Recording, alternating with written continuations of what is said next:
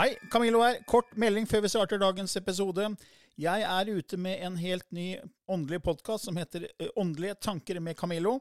Du finner mer informasjon om den hvis du går til camilloloken.no skråstrek gratis. camilloloken.no skråstrek gratis. Der er det også overraskelser til deg som er fast lytter av mine podkaster.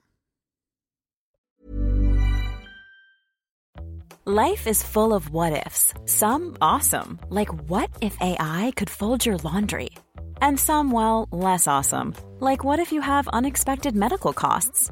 United Healthcare can help get you covered with Health Protector Guard fixed indemnity insurance plans. They supplement your primary plan to help you manage out of pocket costs. No deductibles, no enrollment periods, and especially no more what ifs. Visit uh1.com to find the Health Protector Guard plan for you.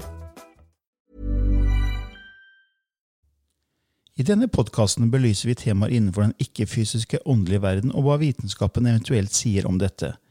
Mye av innholdet er basert på vår erfaring gjennom mange år og på informasjon fra ulike kilder. Vi deler her med deg vår sannhet som kanskje ikke er en universal sannhet. Noen av podkastene inkluderer også gjester som deler med seg sin opplevelse av hva som er sant og riktig innenfor disse temaene, noe som nødvendigvis kanskje ikke alltid stemmer med vår egen sannhet. Mer informasjon om vår podkast finner du på andogvitenskap.no. Takk for at du lytter til vår podkast.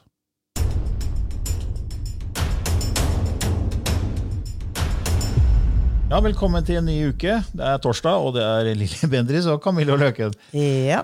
Eh, spørsmål og svar nok en gang. Eh, det er jo spennende, syns vi, å svare så godt vi kan på disse spørsmåla som lytterne sender inn.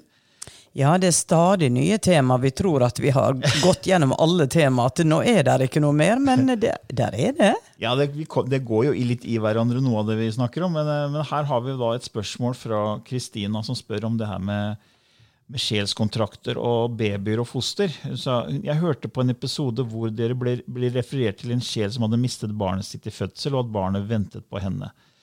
Eh, så er det slik at sjelen i det ufødte barnet holder seg knyttet til mor selv når det dør i magen? Og hvis man da kommer til denne planeten med en sjelskontrakt, hvorfor ender livet til en før det i hele tatt har begynt? Selv om dette, ja, ja? Det var det jeg spør Kristina om. Og så er det også en annen som spør om litt av det samme her. Karina. Jeg må bare si at jeg elsker podkasten deres. Dere har så mange interessante temaer og gleder meg til hver torsdag. Så har jeg et spørsmål. Når tror dere at sjelen tar plass i kroppen i mors liv, eller er det etter fødsel? Det er litt mm. samme der, da. Eh, altså, Når tid tar det plass i mors liv? Jeg tror det kan variere litt, men et, det, min forståelse da, har vært at det kommer og går. Mm. Det stikker innom for å kjenne at jeg er komfortabel her, og dette her mm, Det gjør seg litt kjent. Så at eh, sjela svever liksom litt over mammaen og stikker inn og, og, kjenne på denne lille kroppen. Men at det er liksom ikke så lenge før fødselen at det er permanent inne, da. Mm. Men er det sånn, For Mange sier at vi har en sjel, men jeg tenker at det er sjelen som har en kropp. da. Sjelen skaper en kropp. Ja. ja. Så liksom, Du kan si at han binder seg til en kropp, da, akkurat som den omhyller kroppen. da. Ja. Eh, litt før fødsel. Ja. Der tenker du? Ja. ja. Jeg tenker jo også Det det er vel jeg som har gått inn i mye av de litteraturen jeg har lest, spesielt kanalisert informasjon. Ja. Det er jo stort dit som har svar på sånne det, ting. Ja, det er jo det, vet du. Jeg finner jo ikke ja. noe forskning på det her. Nei. Eh, men i hvert fall så er det jo veldig spennende fra, fra en som drev med hypnoterapi og regresjon, altså dr. Michael Newton. Ja. Han døde vel i 2016. Eh, han holdt på i 40 år. Eh, og tok jo da klienter tilbake til tidligere liv og livet mellom livet. og Vi har nevnt den flere ganger i denne podkasten. Og han har jo skrevet flere bestselgende bøker. Og en av de bøkene er jo The Destiny of Souls. New Case Studies of Life Between Lives fra år 2000. Eh, og der snakker han jo om det her med babyer og foster og sjelskontrakter. Mm. Så jeg tenkte å lese, Jeg har oversatt det her til norsk. Ja. For å liksom fortelle litt uh, hva han sier. Ja. Han sier det er en universell bevissthet grunnet til kjærlighet som omgir alle ufødte babyer. Et foster kan være i live som en individuell enhet uten å ha en udødelig sjelsidentitet. Hvis en mor aborterer barnet sitt i første trimester, svever det kjærlige åndelige krefter i nærheten for å trøste denne moren og våke over barnet. Selv i tilfeller av aborter mellom fire og ni måneder kan sjeler være på plass for å støtte både barnet og moren på en mer direkte fysisk måte med energi. Kjeller vet på forhånd sannsynligheten for at babyene går til termin. Så kommer det med et eksempel her. da. Hvis en gravid kvinne mister barnet sitt fordi hun falt ned en trapp, f.eks. i den syvende måned, så var ikke det helt forutbestemt at hun ville falle. Det var også muligheten på den spesielle dagen hvor hun i siste øyeblikk kunne bestemme seg for å ikke gå ned trappen. Hvis en ung, ugift jente blir gravid og bestemmer seg for å avbryte svangerskapet fordi barnet er uønsket, er sjansen stor for at dette var et betydelig og sannsynlig valg. Disse to tolkningene av årsakssammenheng er selvfølgelig hypotetiske. Likevel er forskjellige scenarioer av viktige hendelser i, li i livet vårt kjent på forhånd. Alle har karmiske implikasjoner og formål for oss. Sjeler tildeles ikke tilfeldige babyer. Når en mor mister barnet sitt av en eller annen grunn, er oddsen ganske stor for at sjelen til denne babyen vil komme tilbake til samme mor med sitt neste barn. Og hvis denne moren ikke føder et annet barn, kan sjelen komme tilbake til et annet nært familiemedlem fordi den, det var den opprinnelige hensikten. Når livet er kort, kaller sjeler disse for oppfyllingsliv, og de har også formål for, for, for foreldrene. Her er et eksempel. Som sjel var jeg med et fire måneders foster i tre måneder. I løpet av denne tiden trengte min mor å føle min sjelenergi for å vite at det å gi og miste et liv er veldig dyptliggende. Jeg ønsket ikke å la tristheten ved å miste meg hindre henne i å prøve igjen. Vi visste at dette fosteret ikke kom til å gå tiden ut, men det var stor sannsynlighet for å få et annet barn etter meg, og jeg ønsket det partnerskapet med henne. Hun skjønner ikke at jeg en gang var sønnen hennes, og nå er jeg datteren hennes. Jeg tror jeg var i stand til å dempe bitterheten og sorgen hennes ved å sende henne min trøstende tanke i stillheten i alle nettene mellom hennes to svangerskap. Når babyer og små barn dør, stiger sjelen deres vanligvis ikke inn i åndeverdenen alene.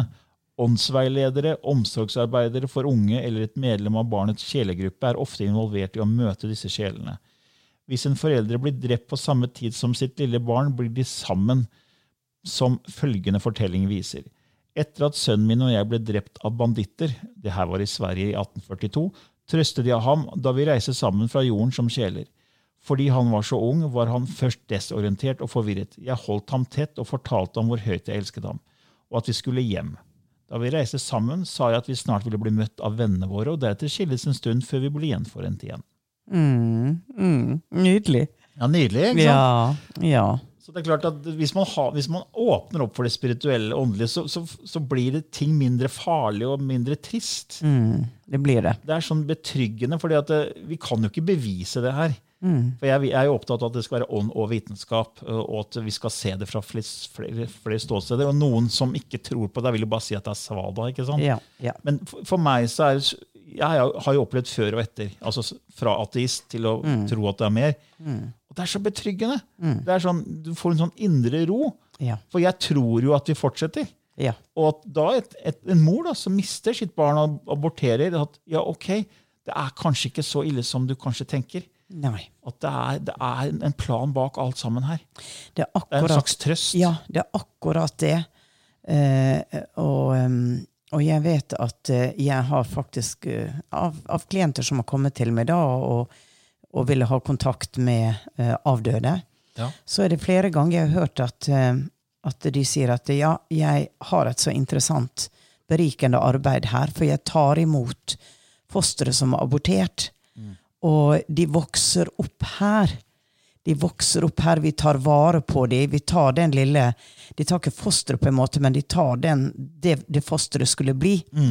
Og så, de, så har de sine mødre der, så eh, så det var så berikende. Og da er det ofte de som har kommet til meg og sagt at oi, men mamma eh, altså, For eksempel, da. Ja. At eh, mamma hun drev jo barnehage. Ja. Eller mamma hun var så opptatt av barn.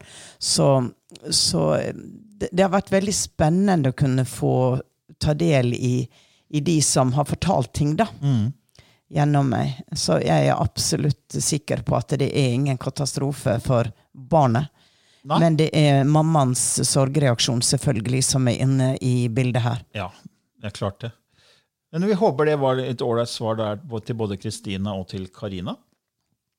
Ehm, Så skal vi ta, gå videre her til et neste spørsmål. og det, Vi har vært innom det litt før. eh, og Det handler jo egentlig om egentlig klebeånder. egentlig, og Så kan dere snakke litt om klebeånder, spør Janne her. Og Svein Tore spør, at- spør om følgende. Jeg så på programmet Spøkelsesjakt.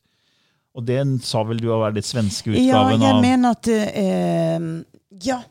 Jeg tror det er den det svenske lignende serien som jeg er med i nå. Ja, for du, det, Dere heter jo Spøkelsesjegerne. Ja. Og det her er spøkelsesjakt, så da forteller han hvordan den klarsynte fornemmet en maskulin og tung energi hos en mann, og så en liten Guds energi som satt fast i den tunge energien til denne mannen. Så er det slik at uskyldige sjeler kan sette seg fast i andres energier, spør Svein Tore her, da. Vi er jo alle energivesen, og, vi utveksler jo hele tida. Um, så jeg tror at det er mulig, ja. Uh, altså, vi har jo sett 'Eksorsisten' og, og, og diverse grusomme greier, og ja. Jeg tror at det, det eksisterer, men jeg har ikke hatt lyst til verken å arbeide med det eller gå inn i det. Uh, jeg føler jeg har ikke Altså, en sjaman vil jobbe veldig med sånne ting. Ja. Eh, men det har jeg valgt bort, det er ikke det jeg skal gjøre. Så jeg har heller ikke villet gått inn og hatt så mye kjennskap til det. For jeg, jeg føler jeg vil ikke bli trukket inn i det. For, for, for vi har jo snakka før om det her med at det er folk som har veldig sterke behov her på jorda når de dør. Vi nevnte det i en annen Ja, spørsmålsvarepisode, at når de dør, så er de liksom ikke ferdig med å tilfredsstille det behovet, så de blir hengende igjen i lavere astralplan, og så Ja. kan de kaste seg på eller henge seg på andre mennesker. da. Ja. Fordi det er, det er på en måte ikke så lang kall det, Jeg kan ikke bruke ordet avstand, men jeg får bruke det. Altså, det Frekvensmessig så er det nærme, da. Ja, og det, dette er jo veldig klassisk uh, i en nattklubb hvor Ja. folk drikker. Ja. Så sier de det at det henger rundt uh, alkoholikere som Ja. går inn, for det at når du drikker eller tar stoff, så får du mindre beskyttelse i auraen. Altså det blir åpninger, og så Ja. kommer det da en som kan bli, eh, få seg en rus gjennom deg, da, og da Ja. vil vedkommende som står der og drikker, føle at «Oi, jeg trenger en drink til, en drink til, en drink til, sånn at det aktiverer Det det lystbehovet. Kan det skape avhengighet, tror du? Ja, hvis det er en som, eh, som virkelig setter seg fast eh, i, eh, i det. Ja, fordi du, Ja. du sier da, jeg vet jo, det er, det er jo folk vi har møtt når vi har jobba gjennom alle disse åra, som, som ser auraer. Og, og så fortalte, husker jeg fortalte meg at de som drikker, tar narkotika og på en måte misbruker en del sånt nå, da, de har hull i auraen sin. Ja, Og da er det lettere også for på en måte lavere astralplanvesen å komme til. For man åpner litt opp Mm. Ja. for at man er mottakelig. Eh, Hva da med barn? Fordi barn er jo veldig åpne. Så det er, Ja. Men så hvorfor vil da, som, som Svein Tore spør, da, eh, han, en liten uskyldig gutt, på en måte, eh, hvor, hvorfor kommer da en tung energi og tar den gutten? ja. Eh, kanskje den tunge energien trengte uskyld Ja. for å løf, løfte seg opp. At det, igjen så er det dette med kontrakter. da. Skal Ja. man erfare noe sånt? ja. Eh, men jeg har jo kjennskap, eh, eh, dyp kjennskap til en familierelasjon som opplevde ei lita pike som plutselig forandra måte å være på. Og, og ble nesten litt sånn som eksorsisten, og hvor, hvor en hellig mann tok et rituale. Og hvordan det slapp. Det er en ganske spesiell historie. Skal ikke dykke så mye inn i den. Men men eh, det viser meg at ting kan skje. Mm. Ting kan skje, men altså det er ytterst, ytterst, ytterst sjelden. Og jeg ønsker ikke å skape noe redsel for at å gud, du Nei, fordi Du har jo holdt på i 33 år, og du har sjelden sett, eh, sett det Ja, her. ja. Ja. Og det, på Åndenes makt så har du vel eh, kanskje også vært borti det, eller? ja da, det, det har jeg. Eh, hvor en ånd har kommet inn i en annen, og denne levende personen da begynte å forandre personlighet, kjente ikke seg selv igjen. Um, og, og, og eksempel hadde langt, stritt hår og fikk da bare en sånn tvangstanke om at hun måtte ta permanent og krølle. Hun fikk uh, irritasjon, sinne, attakk som ikke lå i hennes natur i det hele tatt. Og da var det jo Det fant vi jo ut i den episoden, så fikk vi både fornavn, mellomnavn og etternavn. Og at denne kvinna eh, lette etter barnet sitt. Så når denne kvinna ble gravid, så, eh, så gikk hun inn i en identifik eh, identifikasjon fordi at hun De hadde kjent hverandre mens de levde.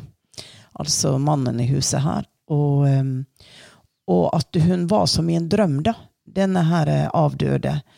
Og eh, det var veldig sterkt når eh, jeg sitter og forklarer uh, de i huset hva jeg har sett, hvem jeg har sett, og vedkommende sier at ja, men det vet jeg jo hvem er.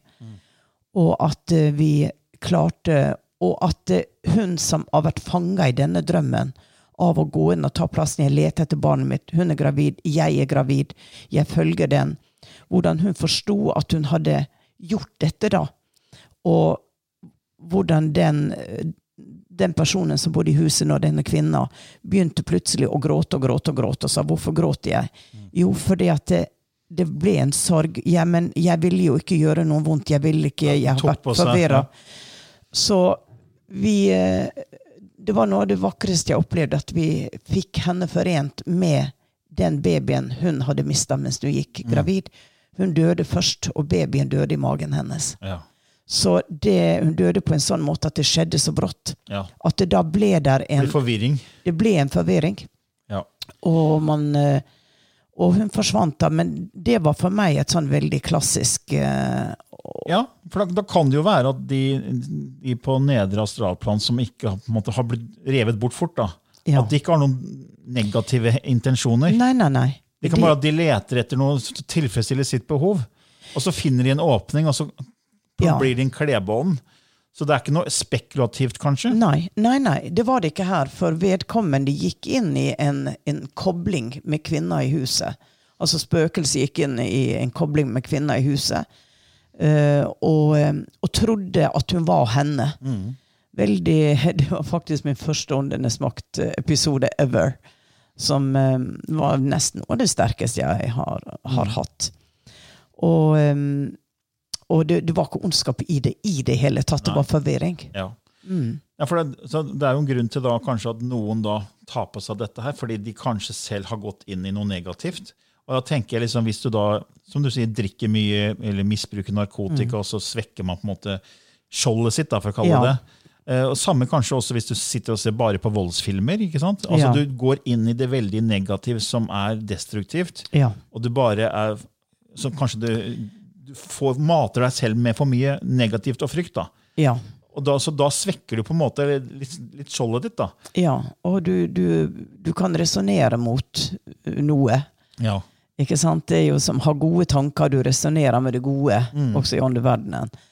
Um, Så jeg, pleier, altså jeg merker hvis jeg sitter for mye eh, inne, for jeg jobber jo mye foran eh, med, med internett og med, med Mac-en min, så Ja. sitter jeg mye inne. og hvis ikke jeg på en måte har et system på å komme meg ut i naturen eh, regelmessig, så merker jeg at jeg blir prega av kall det byenergien. og Det er jo elektromagnetisk kunstig stråling overalt. Ja.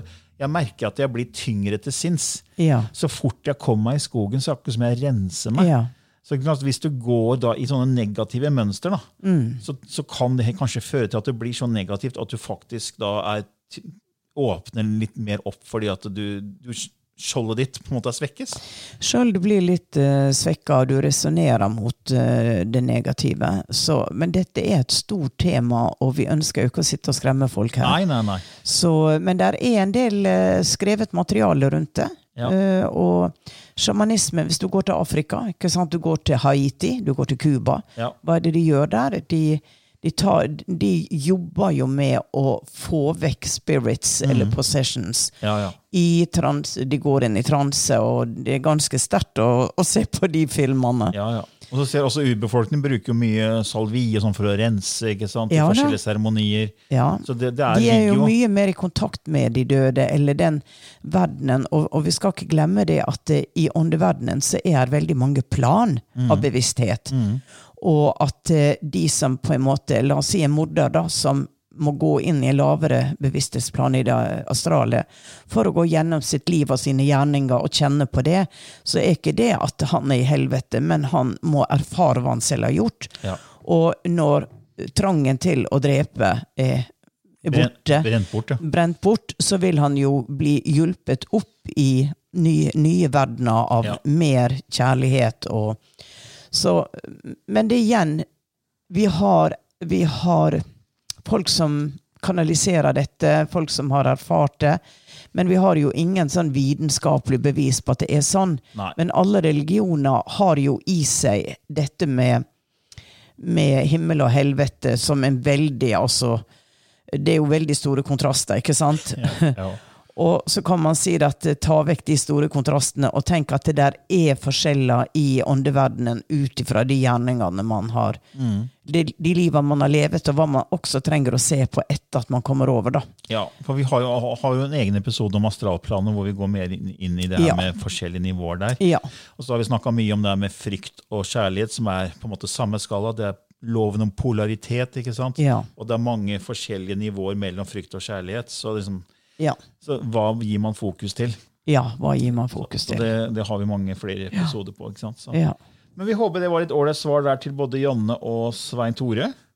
Og så har vi et spørsmål her om engletall fra Lena, som sier kan dere snakke litt om engletall. Hva betyr det? Prøver engler å kontakte deg? Kan engletall du ser være en frempek på hva som kommer til å skje? Er engletall bare positive, eller kan det være negative beskjeder? Det spør Lena om. Mm, det der, eh, der har ikke jeg noe å tilføye, Altså, men du har jo lest litt. Ja, Det går jo inn i numerologi, så vi burde jo egentlig hatt en numerologiekspert her. Ja. Det er mulig vi skal få tak i etter hvert, og og snakke litt mer om numerologi. Ja. Eh, som engletall er på en måte repeterende sekvenstall. så Hvis du ser 1111 eller Ja. 222 ja. Ofte på klokka, da. Hvis Ja. du har sånn 24-timersklokke, så kan du si 2222 eller 1111. Ja. ikke sant? Og du kan se det går igjen. da. Og så, Oi, nå så jeg det igjen. Ja. Sånn. Eller jeg ser 777, eller ja, dette hører jeg så mye nå. Det er så mange som opplever det. Altså, hva, hva betyr det? Jo, det er Numerologien mener jo at det har betydning at det er beskjeder eh, fra på en måte den ikke-fysiske verden, da, fra, fra kall det engler eller hjelper eller guider, som prøver å fortelle deg noe om det du opplever i livet ditt. For det sånn, Ser du det tallet, ja, da er det noe du skal ta tak i i livet ditt. Beskjeder. Og da er det sånn eh, eh, Det er flere tolkninger, men én tolkning er altså hvis du ser 111 eller 1111 mye, da, så handler det om manifestasjon Ja. at da er du på en måte inne på rett spor til å manifestere. Og så er det 222 eller 2222. Da skal man være mer til stede eller nyte øyeblikket. Ja. Altså, også det med tre, å se tretall, altså sekvenser av tretall, det handler om å skape mer balanse i livet og meditere på hva som trengs. ja. Og så er det sekvenser av firetall. tall, Så er det, da er det eh, så vite at guiden er med, er med deg og gir deg veiledning hvis du står i en utfordring. Mm. Uh, og når du ser fem, så numerologi i fem er jo forandring. Så det er på en måte er, da er forandring er på vei. Hvis du ser fem-fem-fem-sekvenser veldig ofte, så er det forandring er i ferd med å skje i livet ditt. da. Mm. Så bare vær tro mot det du fort, gjør, og så vite at det her endrer seg. Og 666, eh, eller mange sekstall, sterkt budskap om å ta personlig ansvar i eget liv. Ja. Og sekvenser av syvtall, slapp av og gi slipp på frykten for fremtiden. Gi slipp på kontroll. Yeah. Og hvis du ser åttetall, så er jo den naturlige flyten og rytmen til det guidende englene har i vente for deg. Og så er det eh, og nitall. Dette betyr at syklusen av det du har gjort, er i ferd med å fullføres. Det er, som, det er, det er én tolkning, Ja. og det finnes sikkert mange andre tolkninger, men dette er én tolkning som jeg har sett går igjennom hos en del som driver med numerologi. da. Ja. Så jeg tenkte jeg bare nevne det. i hvert fall. ja. Så det, ja, Noe å tilføye på det? Nei, dette har ikke jeg noe til.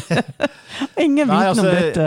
jeg, jeg var litt interessert i nevrologi for noen år siden. Jeg kjøpte meg en bok og lærte meg litt om det. Og, og da jo, man kan jo finne ut om, om man tar fødselsdatoen sin, så får man på en måte livstallet sitt, og så kan man se hva det betyr. Og så kan Ja, man ta der og det er veldig bor, og- spennende. Det er veldig spennende. Jeg har jo en som brukte numerologi på meg, og jeg tror jeg har sagt det før, for at hun hadde en bokstav feil. Ja. Og så sendte hun det til meg, og så sa hun dette stemmer ikke. Og så uh, sa jeg at men hva, er du sikker på at du har skrevet riktig? Og så å, jeg har skrevet feil i, i, i navnet mitt, uh, fødenavnet mitt. Og så sendte hun det nye, da. Og det var bare sånn on the spot. Ja, ikke sant? Så, Da var det én bokstav. og det, det, Forskjell. Var, det var en bokstavforskjell. Og så var det Oddvar Schjelderup, som er en kjempe ovenfra Trondheim, som har undervist i biblioteket i Alexandria, og han vet så mye om pyramiden. Han, er et fantastisk Oddvar Schjelderup. Google han. Han er vel mye over 90 nå. Og eh, for mange mange år siden så hadde jeg et møte med han. Da hadde jeg tenkt å forandre navnet mitt. For det at jeg hadde tenkt da at nå skal jeg ut av dette ekteskapet, så jeg skal forandre navnet mitt. Så sa jeg kan ikke du se på det navnet jeg har tenkt. Så så han på det, og så sa han ja, men det navnet du har nå. Og da sier han til meg du må aldri finne på å forandre navnet ditt, for navnet ditt blir ditt varemerke. Ja, ikke sant? Og det var før jeg begynte med Lenge alt jeg kjent. Lenge før. Ja. For det navnet ditt, sant, det har en kraft og en styrke og en blessing og en velsignelse, jeg vet ikke hva, protection, hele pakka. Du må ikke finne på det. Og jeg gjorde ikke det, Nei. Øh, fordi at øh, jeg trodde på han. Mm. Og navnet har jo blitt mitt varemerke. Ja. Så han traff spikeren på hodet. Han traff spikeren på hodet. Ja. ja. Nei, vi får håpe det var et greit svar der til, eh, til Lena. Og så har vi et spørsmål her om telepati og andre planeter.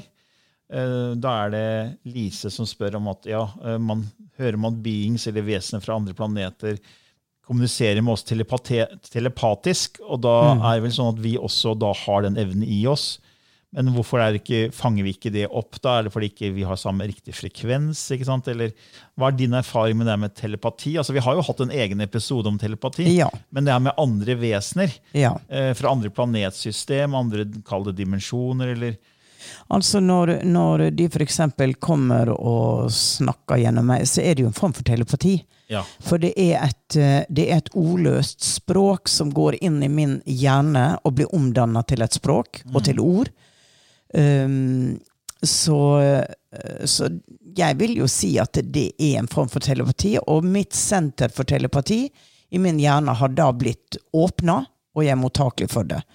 For det er jo igjen som med klarsyn. ikke sant? Det ligger jo inn under samme feltet. Når du har aktivert den delen, så kan du ha telepati med dyr, du kan ha telepati med andre mennesker, du kan ha det også med vesener fra andre galakser. Det, det er samme mekanismer. Ja, fordi det er, jo, det er jo som radiobølger. da, ikke sant? Fordi radiobølger, Gamle radiostasjoner kjente jo til Ja. radiobølger, så Ja. var, det- var en mottaker som kunne fange opp det. ikke sant? Ja. Og her er det på en måte tankeoverføring. Det er, det er hjernebølgeoverføring. Ja. Så det er informasjonsoverføring egentlig vi snakker om. da. Ja. Fordi vi, vi må jo snakke sammen nå for å overføre informasjon. Ja. Men så mener man at nei, man slipper det egentlig det hvis man går i høyere, litt høyere frekvenser. Ja. Så kan man begynne også bare overføre det uten å snakke. ja. Og, men hva, merker du forskjell på når du får informasjon fra dine hjelpere The Council of Elders kontra The Wounded Eagle eller den andre du pleier å få inn, The Universal Storyteller? Er det, er det Det er, veldig akkurat, likt? det er akkurat det samme. Ja, Akkurat det samme, det er bare forskjellige kilder. ja. Men, men hvordan skiller du de fra hverandre da? Nei, det skiller de fra hverandre fordi at eh, For det første måten de snakker på. Og så får de også ofte et indre bilde, og jeg vet at oh, ja, dette ja. Eagle, som var veldig til stede og skrev gjennom meg eh, Så han har, han har det karakteristiske fra indianer, altså. Um, beloved child, come into my TP, I will teach you now. Altså, han har en måte å snakke på ut ifra hans resonans fra det livet, da. Mens når Council of Elders, så er det en helt annen måte å frembringe en beskjed på. Så jeg, jeg kjenner det. Jeg kan ikke si det på noen Nei, nei. annen måte. Ja, så bra. Ja, Da håper vi det var, det var et greit svar der til Elise. Så har vi, vi rekker vel ett til her, Lilly. Skal vi Ja, se. det. det er eh, Tone som spør Takk for fin podkast. Det her handler om sjelskontrakter. da, at eh, Prøv å forstå det med sjelskontakter. altså La oss si en sjel ønsker å oppleve eh, tilgivelse. Da må en annen sjel komme inn og gjøre noe som man kan tilgi. Ja. For eksempel, da, la oss si at man dreper eh, barnet ditt. da. Ja. Eh, Så er jo det kanskje noe det grusomste du kanskje kan oppleve ikke sant? Som, som en forelder. Og så, så skal man da tilgi, for man skal erfare tilgivelse. Så, så spørsmålet er da, hvorfor vil da en sjel som på en måte kommer fra den ikke-fysiske åndelige verden, som da egentlig har kanskje en høy frekvens, eh, nedskalere seg til vår lavfrekvente jord, for så å gjøre en stygg handling for å hjelpe en sjel å erfare tilgivelse? Og, og det er jo litt interessant. Ja, det, men da har du eh, Judas og Jesus. Ja. Hvis ikke Judas hadde tatt den jobben, så hadde ikke Jesus blitt en religion. Ikke sant? Her, det er en større forståelse bak det, som vi ikke kan fange i øyeblikket det skjer. Eh, og derfor blir vi også utfordra i vårt følelsessystem. Og det er jo det veldig mange, når de dør og kommer over og ser det store bildet, ser andre liv, ser hva de hadde behov for å lære, så blir det en aksept på det som skjedde. Um, og um, Ja, for, ja, for det, jeg syns det er veldig spennende det Neil Donald Walsh kanaliserer ned, eh, som han har gjort i mange mange bøker. Ja, det Automatskrift. Han, Ja. han, han begynte jo allerede på 90-tallet å kanalisere ned det han kalte beskjeder fra Gud. ikke samtale med mm. Gud.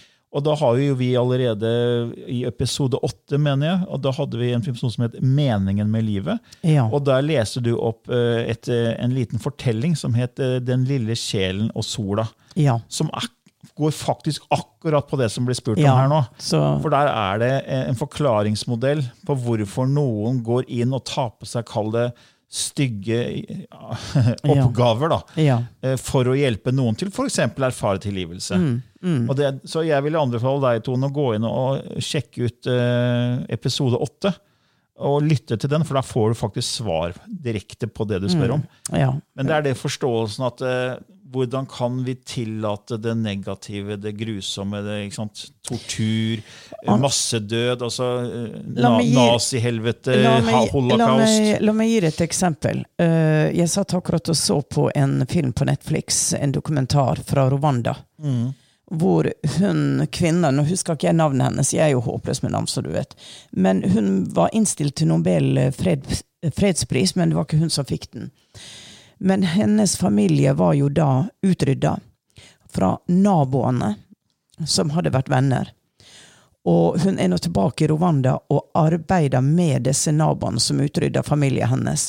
Fordi at det landet sier at vi kan ikke gå videre hvis vi ikke tilgir. Eh, For da vil, det gå, vil det gå i spiral av det samme i generasjon etter generasjon. Så vårt valg så, Og det var så sterkt å høre henne snakke. Um, Choose Love heter den filmen på Netflix, eller dokumentaren. Choose Love. Og da tenker jeg det at det der var det jo noen som tok forskjellige roller. Mm. Og hun kunne valgt å hate, men hun sa det at det, i kjølvannet av det fryktelige som skjedde, så har vi et valg. Vi kan bygge opp igjen. Og de er begge da enige om det. Det var jo som de var i en felles psykose, hele landet, ikke sant? Og nå måtte de bli friske. Og tilgivelse var måten å bli friske på. Ja. Se den filmen, den, og det er mange skjebner som For det er snakk om tilgivelse, da. Ja, for Det er jo veldig, veldig stort gjort, for det er, det er jo noe av det tøffeste man kan gjøre. at Hvis noen har gjort deg urett, Ja. og det er grusomme ting som har skjedd med deg eller noen av dine, og så skal du tilgi. Ja. Og Jeg tror jeg har nevnt det før, for det var jo en massemorder i USA som gikk og drepte unge jenter. Ja. ble til slutt tatt, eh, og han sto i rettssalen, og så fikk alle pårørende lov å si hva de ville til denne, denne massemorderen. Og han sto der som et steinansikt, og ingenting altså Folk skrek, de hata han, håper du brenner i helvete. altså Det var så mye hat, og man skulle på en måte hevne seg. da. Og Så kommer det en mor ikke sant, som, som bare, en litt eldre mor som ser på han og sier vet du hva, jeg tilgir din handling. Ja. Og, og han begynte å gråte som et lite barn. Bare knakk som en fyrstikk. Men, men, re- men alt annet prella annet som vann på gåsa. Ja. For det var, Ja. det var kamp mot kamp. Ja. Det var sånn hardt mot hardt. Ja. Men så plutselig så var det en som åpna opp og var myk, og så ble han myk. Så det er litt det det går på. Men det er ikke lett, da. Nei. Jeg må jo si det, si at det er ikke lett. Ikke lett i det hele Eh, tatt. Men det, det er jo det som går inn i veldig mye hvis man skal få det bedre. Så det er tilgivelse. Først aksept, og så tilgivelse. Ja. Men det er, eh, men det er, men, ja, det, det, er ikke så lett fra de som da ikke er spirituelle, å eh, forstå det her. fordi du klarer ikke å forklare det til en som sier at livet er tilfeldig. At ja, tortur, eh, nazihelvete, ikke sant, holocaust mm. Det var en mening med det.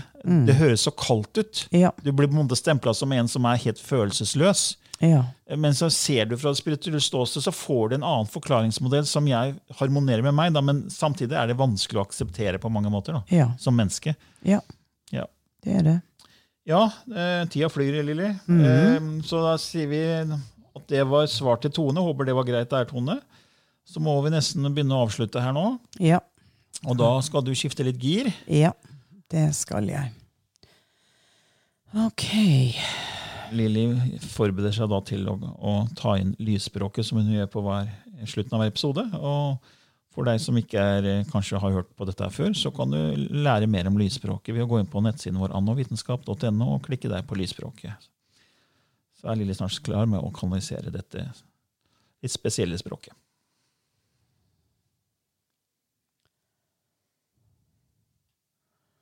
Croatia. Krajenit kuarata kierena uchuka.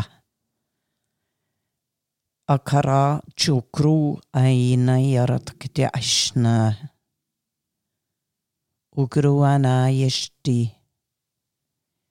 Ikru est akchaist kuhena ratiki. Ahiara tuchukueti nara kitia. Uruta tachike. Muru knei jenei te tutu haikchi i. Ama i. Ukruha. Merikni juktua. Unoku i kuchkar inaishte monanchukua.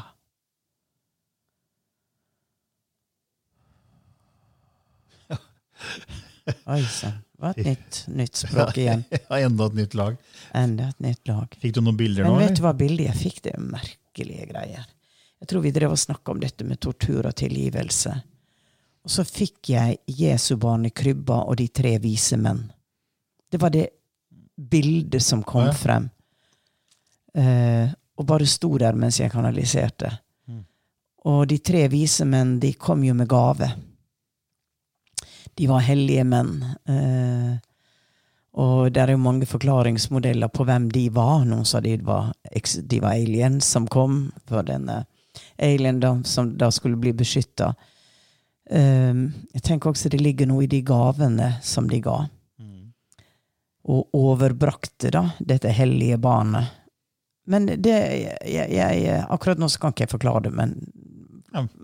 de som lytter, de kan jo se om har, ja. det, er, det kommer noe opp der Ja, hos de. er, ofte så er det faktisk eh, noen lyttere som da får en forklaring etter Mm. at du har hatt Ja. en kanalisering av lysspråket. Ja. Og noen eh, får de samme bildene som deg, andre får andre Ja. bilder. Det er egentlig spennende å høre. Veldig, veldig spennende. Ja, ja. De kobler seg på og er med i energien. Ja, og det er jo noen som ikke merker noen ting. Altså, Ja. De fleste kanskje ikke merker noe. Nei. Men så det er jo så mange som forteller at jeg har lytta etter 25 episoder eller 30 episoder, og så plutselig, på den 31. episoden, det lysspråket, det traff meg, og da skjedde noe med meg. Ja. Så det, det er veldig, så det er, det er som jeg har sagt før, det er den berømmelige dråpen. Ja. Så det er bare å lytte til uh, mer og mer, så vil det til slutt bare Ja. ja, åpne seg. ja. Mm. Ja, men da eh, er det, gjenstår det vel bare å si til deg lytter at eh, du må ha en nydelig kveld eller dag. Husk å gi en klem. Husk å gi en klem. Ja. Gi din gave. Og det kan være en klem. Ja. Hei da. Ok, ha det bra. Planning for your next trip? Elevate your travel style with Quince. Quince has all the jet setting essentials you'll want for your next getaway, like European linen, premium luggage options, buttery soft Italian leather bags, and so much more. And is all priced at 50 to 80% less than similar brands. Plus, Quince only works with factories that use safe and ethical manufacturing practices. Pack your bags with high-quality essentials you'll be wearing for vacations to come with Quince. Go to quince.com slash pack for free shipping and 365-day returns.